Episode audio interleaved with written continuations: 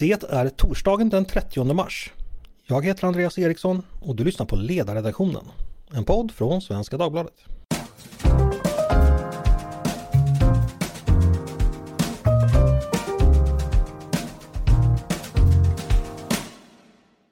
Varmt välkomna till oss igen.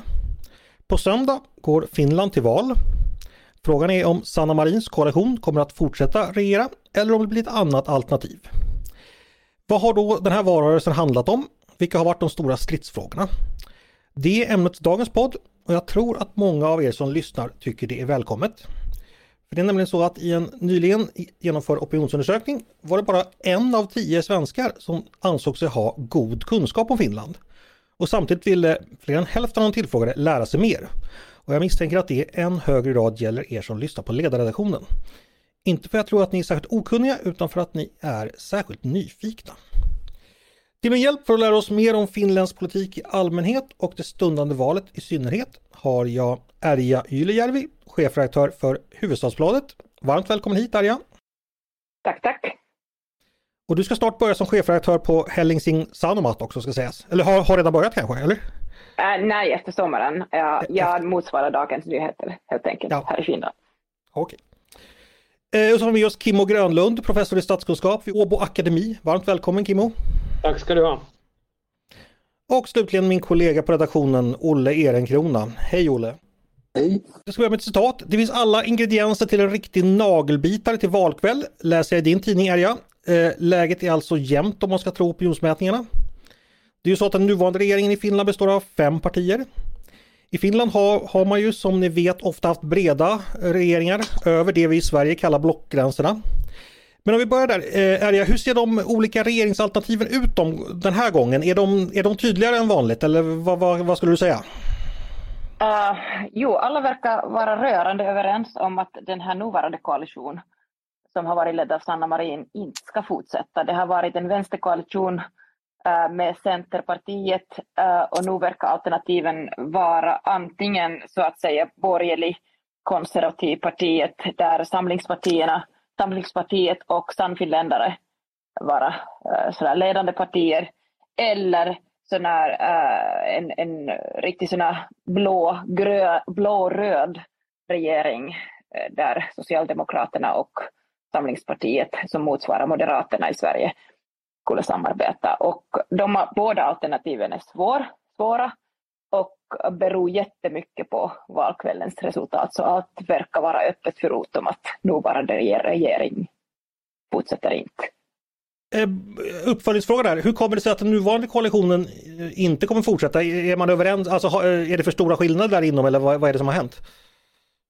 Det som har hänt att Centerpartiet har förlorat jättemycket stöd under den här regeringsperioden. De har stått för hårdare ekonomipolitik, alltså uh, mera för företagare och, och har varit ganska missnöjda och har sett också deras stöd rasa Äh, de har inget intresse att fortsätta i en koalition som anses vara väldigt, väldigt vänster. Okay. Resten av koalitionen har inte tillräckligt stöd. Mm. Okay. Eh, Kim, jag ska gå vidare till dig. Eh, bara så att vi, vi, förstår hur regeringsbildningen går till. Eh, vad jag förstår så är det så att det är kutym i Finland att talmannen ger sonderingsuppdrag till det största partiet. Har jag förstått rätt? Ja, du har ett, äh, rätt i det.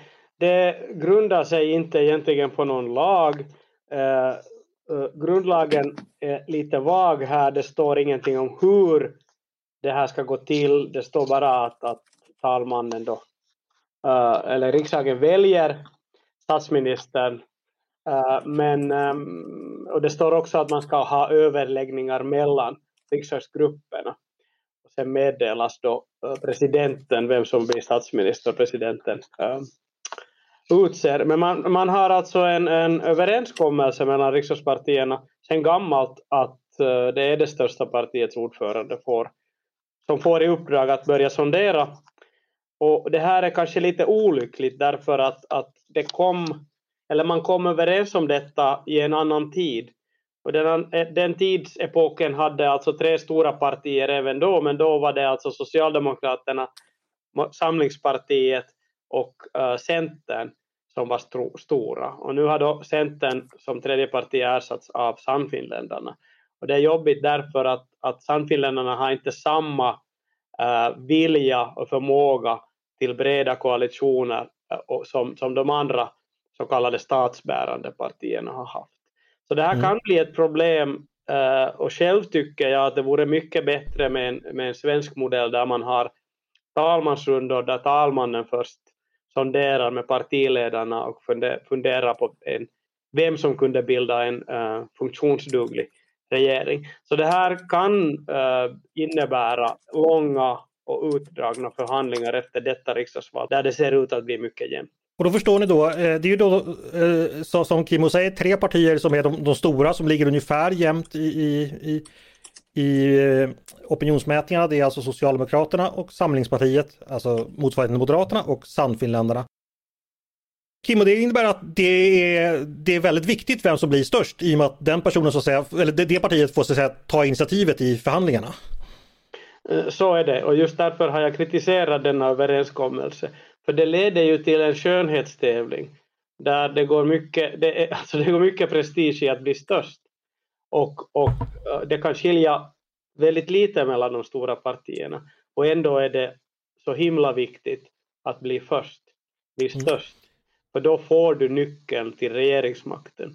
Och, och just i det här valet, att ponera att det är Sannfinländarna som får den här positionen. Och så har vi partier som har sagt nej till en, ett regeringssamarbete med Sannfinländarna. He, hela vänsterblocket inklusive de gröna.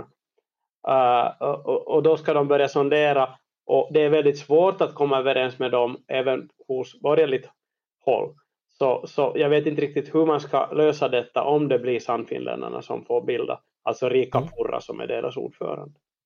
Vad säger du om det Arja? Om Sannfinländarna skulle bli största parti och alltså bli de som får ta initiativet, finns det några möjligheter att de skulle kunna bilda regering och själv ha statsministerposten? Åtminstone ska de säkert göra ett försök. Och det vill säkert också de som är kritiska i politiska kartan att de gör, eh, för det är ytterst oklart om de skulle lyckas. Eh, just som Kimmo sa, hela, hela vänsterblocket, eller vänsterdelen inklusive gröna, är starkt emot. Så att få en majoritet skulle äh, kräva en ganska, först ganska rejäl vinst äh, och vinstmarginal, vilket har inte sett ut att bli. Det är jämnt. Äh, men, men ett försök kan de säkert göra och, och här i Finland är också en sån här allmänna känslan sån att så ska det gå till. Att, att kan, kanske att det finns inte en sån här att, att de inte skulle få göra det. Mm. Äh, en diskussion som kanske skulle vara mycket bredare i, i Sverige när det gäller Sverigedemokraterna. Vi släpper in Olle här. Det här är ju lite annan ordning än den vi är vana i och att i Finland har man ju då inte haft den här traditionella blockpolitiken som kännetecknas av de andra nordiska länderna. Vad tänker du utifrån ett svenskt perspektiv när man tittar på den finländska ordningen så att säga? Ja, alltså det finns ju många förklaringar till att Finland har en annan tradition eh, och en av dem är ju utrikes och säkerhetspolitiken. Nu i och med NATO-anslutningen så ökar nog inrikespolitikens relativa vikt i den finska debatten, skulle jag tro. Eh, och då kan det finnas en tendens till uppdelning mellan höger och vänster som, som har varit tydligare än, än, än, än tidigare. Eh, sen är det väl så att, och det kan ju Erja och Kimmo kanske svara på, Svenska folkpartiet kan väl rimligtvis inte tänka sig att regera med Sannfinländarna. Eller kan de det? För att då, då är det ju så att säga 3, 4, 5 procent direkt som, eh, som så att säga inte kan komma med i ett underlag, regeringsunderlag med Sannfinländarna. Ja. Vi frågar direkt, är det eller Kimmo, hur, hur, är, hur är det där? Svenska folkpartiet har ju antytt att det är osannolikt att de skulle vara i samma regering men vi vet å andra sidan att Svenska folkpartiet alltså som kanske då närmast motsvarar Liberalerna i Sverige, men är alltså ett parti för den finlandssvenska minoriteten och vars främsta ideologi är just att företräda uh, finlandssvenska intressen, uh, är ett mycket samarbetsfähigt eh, parti och har visat sig kunna sitta i de flesta koalitionsregeringar. Så min tippning är att, att det inte alls är omöjligt. Men det förutsätter då att, att regeringsprogrammet skrivs så att också Svenska folkpartiet kan godkänna det. Vi måste komma ihåg att Svenska folkpartiet med sina ungefär normalt tio mandat eh, är viktigt eh, för alla regeringsunderlag för att riksdagen i Finland har 200 mandat och, och vi bildar uteslutande kan man säga majoritetsregeringar. Så att vem som helst som ska leda en koalitionsregering behöver ett ganska stabilt parti som kan kompromissa om det mesta. Men, men Olofs analys av att man, man inte kan sitta med Sannfinländarna har att göra med det att Sannfinländarna är det enda parti egentligen som på något sätt ifrågasätter äh, tvåspråkighet och särskilt äh, obligatorisk svenskundervisning i finska skolor. Mm, just det. Och Sannfinländarnas eh, äh, bästa vänner bland de svenska partierna har väl visat sig vara Sverigedemokraterna, kanske lite paradoxalt, eller också inte. Jag tänkte vi skulle gå in och prata lite eh, vad valrörelsen har handlat om för sakfrågor. Eh, jag har förstått då att det har pratats en del ekonomi. Eh, Finland har ju den senaste tiden haft ganska stora budgetunderskott. 2023 räknar man med ett budgetunderskott på ungefär 8 miljarder euro, vilket är ungefär 10 procent av hela statsbudgeten. Hur tänker sig de olika regeringsalternativen att finansiera detta? Om det går, kort går att förklara. Ja, det är en bra fråga och det har vi alla undrat här, inklusive medborgare och, och, och journalister, att vi har haft en valrörelse som har egentligen handlat mestadels om ekonomi, men, men så här tre dagar före val vet vi inte var de står olika partier står i den här frågan, speciellt som Socialdemokraterna har inte alls velat komma ut med sina förslag om vad man kan spara. Jag tror att alla spelar också sina kort ganska tätt därför att alla vet att man måste kunna samarbeta med, med, med sådana som har olika linjer, äh, speciellt just Socialdemokraterna som nog är beredda att sitta i samma regering med Samlingspartiet. Så, så väljare har tyvärr inte blivit riktigt kloka om hur den här ekonomiska framtiden ser ut. Så det har varit mycket prat om ekonomi utan att vi har eh, speciellt mycket riktlinjer. Eh, konkreta åtgärder har varit små, handlar om miljoner snarare än miljarder eh, och, och, och, skalan har varit på något sätt så att säga journalistiskt lite fel. Så det, här, det är lite bra fråga vad det här valrörelsen egentligen ja. har handlat om. Kim, gör du samma analys att man har varit dålig på att ge konkreta besked om den ekonomiska politiken? Mm. Kanske det. Det är också så att, att det är väldigt abstrakt. Alltså den där nivån, abstraktionsnivån för en vanlig väljare är väldigt besvärlig när man talar om miljarder och var man kan spara och vad är, vad är underskottet och hur kan vi åtgärda det.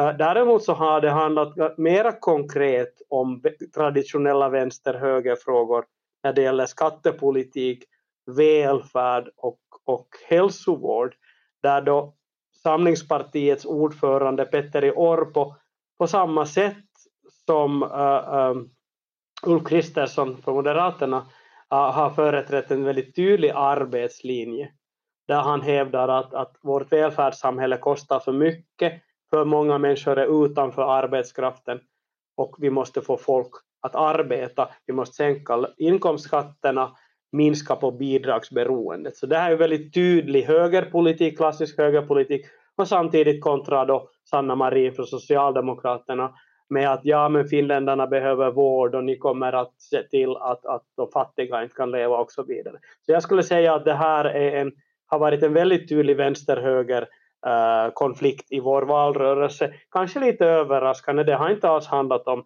försvarspolitik därför att alla är så överens om, om, om, om NATO. Lite har man talat om utbildning och, och också eh, uh, EU och invandring, men där är det främst Sannfinländarna som är hemskt ensamma om i sin kritik av, av detta. Alla andra partier är nu för en ökad arbetskraftsinvandring. Mm. Eh, I Sverige har vi ju ibland, eller internationellt talar man ju också om att vänster-höger-konflikten minskar i betydelse till förmån för andra konflikter.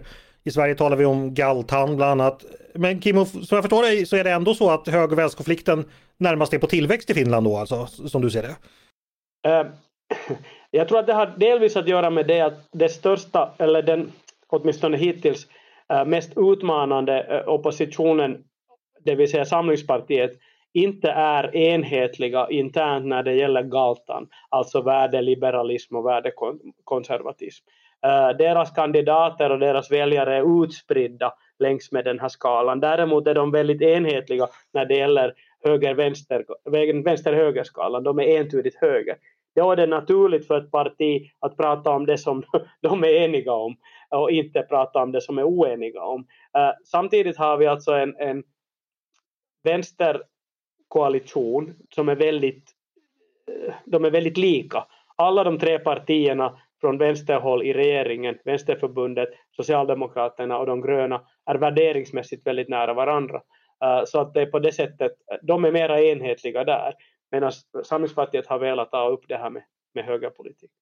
Jag skulle vilja inflika med det att, att, att finländare i regel som helhet är nog mera konservativa än, än svenskarna, eller jag anser då vara det att, att de här värdefrågorna äh, kanske inte spelar lika stor roll i, i val, valdebatter. Eh, det finns ganska lite att vinna med att ta sådana frågor på agendan, just också därför som Kimmo sa att inte bara inom Samlingspartiet utan också i vissa andra partierna är skillnaderna ganska stora och väljare tenderar åt att, att hålla andra saker som ekonomi och vård eh, och sånt i, i liksom, eller sätta mera vikt på dem. Mm. Olle, ifall jag ber dig sätta på dig din svenska borgerliga hatt, eh, ja, från vårt perspektiv, Svenska Dagbladets ledarredaktion, hur, hur ska vi förstå den finländska borgerligheten och konfliktlinjerna där, eh, Samlingspartiet, är, är det våra moderater det eller hur, hur går det att förklara så lätt? Ja, absolut. Det är ett nära samarbete och har varit det länge. Mm. Men ändå ett moderater då som samarbetar med Socialdemokraterna vilket skiljer sig väldigt mycket från hur vi ser det. Ja, men det är ju, det är ju så den inrikesagendan ser ut i Finland. Det har ju så att säga, Moderaterna har inte problem med andra partier som samarbetar med Socialdemokraterna utan blockpolitiken i Sverige är en funktion av en, en, en, en ganska typisk nationell diskussion. Men för att anknyta lite till vad Kimmo sa om det här med värdefrågorna så är det klart att Sverige också att en del av det här kulturkriget som vi upplever har ju så att säga, i Finland konsumerats av eh, frågan om Norden kontra, det, det öst, kontra blickarna österut eller, eller svenskans ställning och sådana saker. Det är klart att eh, förslag som fanns för Sannfinländarna för några år sedan att man borde läsa ryska istället för att läsa svenska, de faller ju inte i sådär jättegod jord.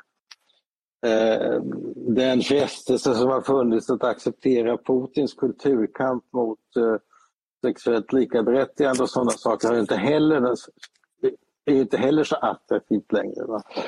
Eh, så att man kan ju förstå då att frågorna istället handlar om, om klassiska höger-vänster-frågor som skatter och jobb och, och, och sjukvård och så. Ehm, och jag tror att det här ansluter lite till en tendens som jag noterade i Norge när jag intervjuade Erna Solberg häromdagen. Ehm, och det intressanta är att både, Sverige, både Norge och Finland talar nu om ökad arbetskraftsinvandring. Ehm, medan i Sverige så är man ju fortfarande ganska förlamad av, av erfarenheterna från 2014, 2015, 2016 och de stora flyktingströmmarna som kom då. Eh, och här finns en intressant skillnad i Norden. Eh, mellan Danmark och Sverige å ena sidan och Finland och Norge å den andra sidan. Just det. Eh, Kimmo eller är det någon av er som vill kommentera det, det Olle sa?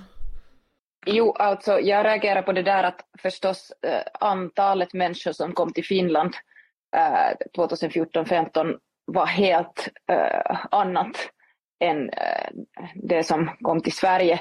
Mycket mindre, mycket färre och många faktiskt, nu har jag inte exakta siffror, men jag har intrycket att många också sen fortsatt vidare. Uh, och, och, så att på det sättet liksom har jag viss förståelse från Finland betraktat att, att liksom Sverige fortfarande diskuterar för, för helt antalet människor som nu befinner sig i Sverige är så pass mycket större.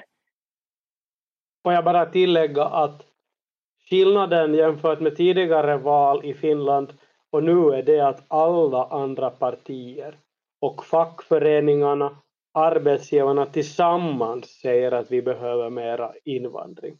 Det är en stor skillnad jämfört med tidigare där det ändå har talats mindre och man har på något vis försökt tona ner den debatten i fruktan av att Sannfinländarna drar nytta av det här. Men i det här valet har på något vis alla andra sagt att vi måste bekänna fakta. Alla experter säger att vårt demografiska underskott är så stort att vi inte klarar av att ta hand om välfärdssamhället utan uh, nya människor i arbetsför ålder. Så det här är en ganska stor förändring och Sannfinländarna är ganska ensamma i sin politik och egentligen har de väldigt lite fakta för det som de påstår. Det handlar väldigt mycket om fördomar och identitet.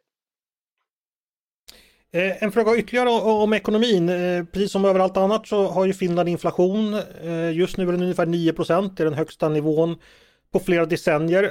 Har det spelat någon roll i valrörelsen? Är det att politikerna varit ute och föreslagit lösningar kring det? Det talas överraskande lite om inflation just nu, mest därför att regeringen, nuvarande regeringen kom ut med väldigt kraftiga stödpaket för elpriser före jul Eh, så, så elpriser har vi sedan dess inte talat om. Och också att kanske där spelar kriget i Ukraina någon roll, att finländare har någon slags förståelse för det här, att åtminstone en del av det här eh, kan förklaras, eller försöker förklaras med, med, med det som händer i global politik och, och global ekonomi även om inflation inflationsnivån visserligen inte bara kopplat till kriget, men där kan jag tänka mig att, att, att folk eller medborgare här eh, någonstans accepterade eh, och tagit det ganska lugnt. Okej, eh, en annan fråga, eh, klimatfrågan funderar jag över. Eh, Kimmo, hur, hur ser konfliktlinjerna ut där i de mån de finns och har det diskuterats under valrörelsen? Det har inte diskuterats väldigt mycket men det finns en skiljelinje. Um, igår när vi hade en stor statsministerdebatt eh, mellan de tre största eh, på MTV3 så, så blev det tydligt att, att Socialdemokraterna och Samlingspartiet kan finna varandra längs med den dimensionen, det vill säga båda partierna är för aktiva klimatåtgärder och väldigt ambitiösa äh, mål när det gäller klimatneutralitet, medan Sannfinländarna äh, då motsätter sig. Eh, för fyra år sedan hade vi ett klimatval och det gynnade de gröna. Eh, I det här valet ser det inte ut att bli så och, och de gröna ser ut att gå mot en tydlig valförlust. Och det kanske är någonting som gynnar då indirekt Socialdemokraterna och Sanna Marin. Hej, jag Ryan Reynolds. Recently, I asked Mint Mobiles legal team if big wireless companies are allowed to raise prices due to inflation. They said yes. And then when I asked if raising prices technically violates those onerous two-year contracts, they said, what the f*** are you talking about, you insane Hollywood ass?" So to recap, we're cutting the price of Mint Unlimited from $30 a month to just $15 a month. Give it a try at mintmobile.com slash switch. $45 up front for three months plus taxes and fees. Promoting for new customers for limited time. Unlimited more than 40 gigabytes per month. Slows. Full terms at mintmobile.com. En fråga angående eh, lite hur, hur väljarstödet har förändrats under perioden. Eh, jag har ju tittat på lite opinionsmätningar och då ser jag att Samlingspartiet eh, ökade under fjolåret och var ett tag klart största parti. Men sedan årsskiftet har man fallit tillbaka igen. Eh, eh, vad säger ni om det? Vad, har man kunnat förklara det på något sätt? Är vad, är den, vad är den vanligaste förklaringen? Uh, förlåt, förklaringen till vad exakt? Till jag missade att, lite din fråga. Ja, och att, att Samlingspartiet uh, har tappat sedan årsskiftet. För man var ju klart största parti ett tag, men sen verkar man ha fallit tillbaka. De har liksom fört ganska försiktig kampanj, kanske varit lite säkra, eh, för, för, för säkra med att de blir största och där när man har den här fördelen att vara störst i opinionsmätningar väldigt länge, man börjar skydda sin position och det är kanske det som har hänt. Eh, Sanna Marin från vänster har, har kört väldigt hårt med det här att nu är, är Socialdemokraterna det enda alternativet till, till, till att höger skulle ta makten. Det som kanske får några väljare att, att, att sådär taktiskt ge sin stöd till Socialdemokraterna istället av de här minster, mindre vänsterpartier.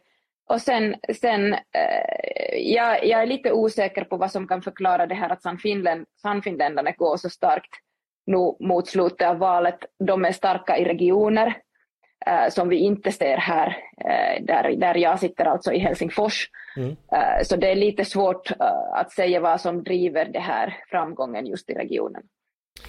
Just det. Eh, finns det någonting Kimmo som har överraskat dig under valrörelsen? Nå någon fråga som har dykt upp eller något, något, något utspel från något parti eller något som har varit lite av en överraskning? No, på något vis så trodde man ju på förhand att, att säkerhetspolitik och NATO skulle debatteras men som jag sa tidigare så är det ju så att eftersom det, var, det finns en stor enighet om att Ryssland är fienden och, och, och att vi behöver gå med i NATO så har det inte blivit så.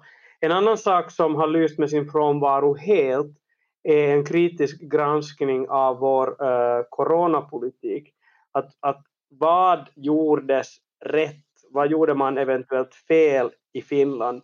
För att det, det arbetet återstår att göra. Det, det, det var ju en enorm kritik av Sverige och Sveriges hantering av corona. Man stängde gränserna mot alla internationella avtal, både EU och, och den nordiska passfriheten. Och vi har aldrig på något vis gått igenom det här. Och det här är något som jag trodde att man skulle diskutera, eh, diskutera i valrörelsen, men det har, det har inte alls hänt. Och, och det är någonting som jag hoppas att vi kan göra vetenskapligt efteråt. Men det hade jag gärna sett i den här valdebatten. Att, att vilka, under vilka omständigheter kan vi begränsa våra rättigheter på det här sättet som man gjorde. Mm. Eh, vi ska snart avrunda. Jag tänkte bara fråga om Sanna Marins ställning. Eh, I Sverige är ju hon, tror jag, den absolut bäst kända eh, finländska statsministern på mycket länge. Ett household name verkligen. Även internationellt uppmärksammad. Är jag, hur är hennes ställning in, inför valet? Är hon, ja, hennes popularitet, vilken betydelse har den? I, i den mån den finns? Hon är Socialdemokraterna för tillfället. Ja, okay. Resten av partiet är ganska anonym.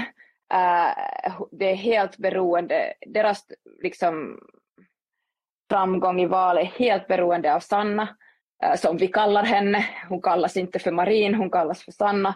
Eh, det har hänt också här, även här i Finland, att hon har inte bara väljare, hon har fans. Alla vill ta selfies med, med henne när hon, hon, hon dyker upp. Så att, att, att, men det är lite så att här i Finland finns det också mycket kritik till det hur regeringen har skött till exempel ekonomi. Så, så här i Finland är hennes ställning ändå uh, mera som en sån här man, hon anses vara ändå mer vanlig politiker.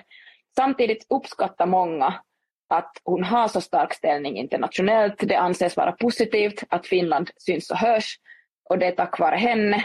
Och hon har varit väldigt bestämd när det gäller vår hållning till Ryssland och det uppskattar också befolkningen. Mm. Eh, Olle, eh, Sanna Marins ställning, vad, vad, skulle du säga om den? Eh, nej, men det är som du säger att hon, hon är uppmärksammad och populär i Sverige. Eh, men jag skulle också säga att det gäller även presidenten. Ja, så är det. Eh, som ju har klivit fram i en nordisk ledarroll och en ledarroll som, som eh, ja, är nästan unik skulle jag säga. Och det märks inte minst på förbindelserna mellan Helsingfors och Washington och, och Vita huset. Så att eh, Finland har just nu då en en, en duo som verkligen så att säga, sätter Finland på kartan internationellt. Mm. Och just därför så har vi i Sverige då alla anledningar att följa valet också. Och jag kan också säga då att eh, det är 120 000 personer boende i Sverige som faktiskt får rösta nu i Finland. Eh, jag tror att det, röstningen för, för, för utlandsfinländare var nog redan för några veckor sedan men, men i förra valet 2019 så var det bara 10 000 av dem som röstade, alltså mindre än Färre än 10 procent, så intresset har inte varit så jättestort bland de röstberättigande i Sverige. Men det kanske blir mer den här gången. Vad vet jag? Eh, men därmed är det dags att avrunda för idag. Får jag bara be er om ett, eh, om, vill någon ge ett sista tips hur det går i valet? Vad säger du Arja?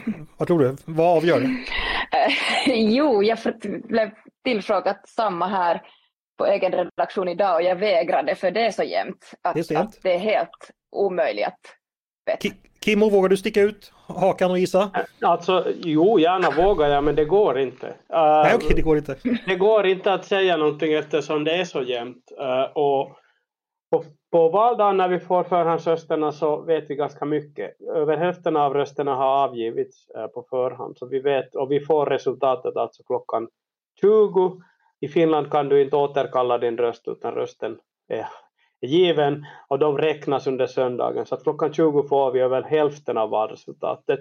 I år kommer vi också att ha en nyhet. Mitt team räknar på en exit poll, en vallokalsundersökning som vi ger ut på NTV3 ungefär 2020. Och jag hoppas att det blir en ganska bra prognos för då har vi fått in de här val, förhandsrösterna in i våran viktning så att säga. Så vi får se hur det går, men det kan bli väldigt jämnt så det kan i värsta fall vara så att vi får sitta till 12 innan vi vet hur det verkligen blir.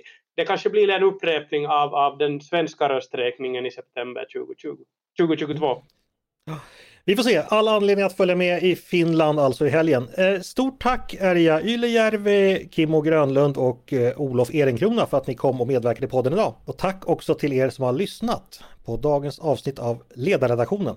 En podd från Svenska Dagbladet.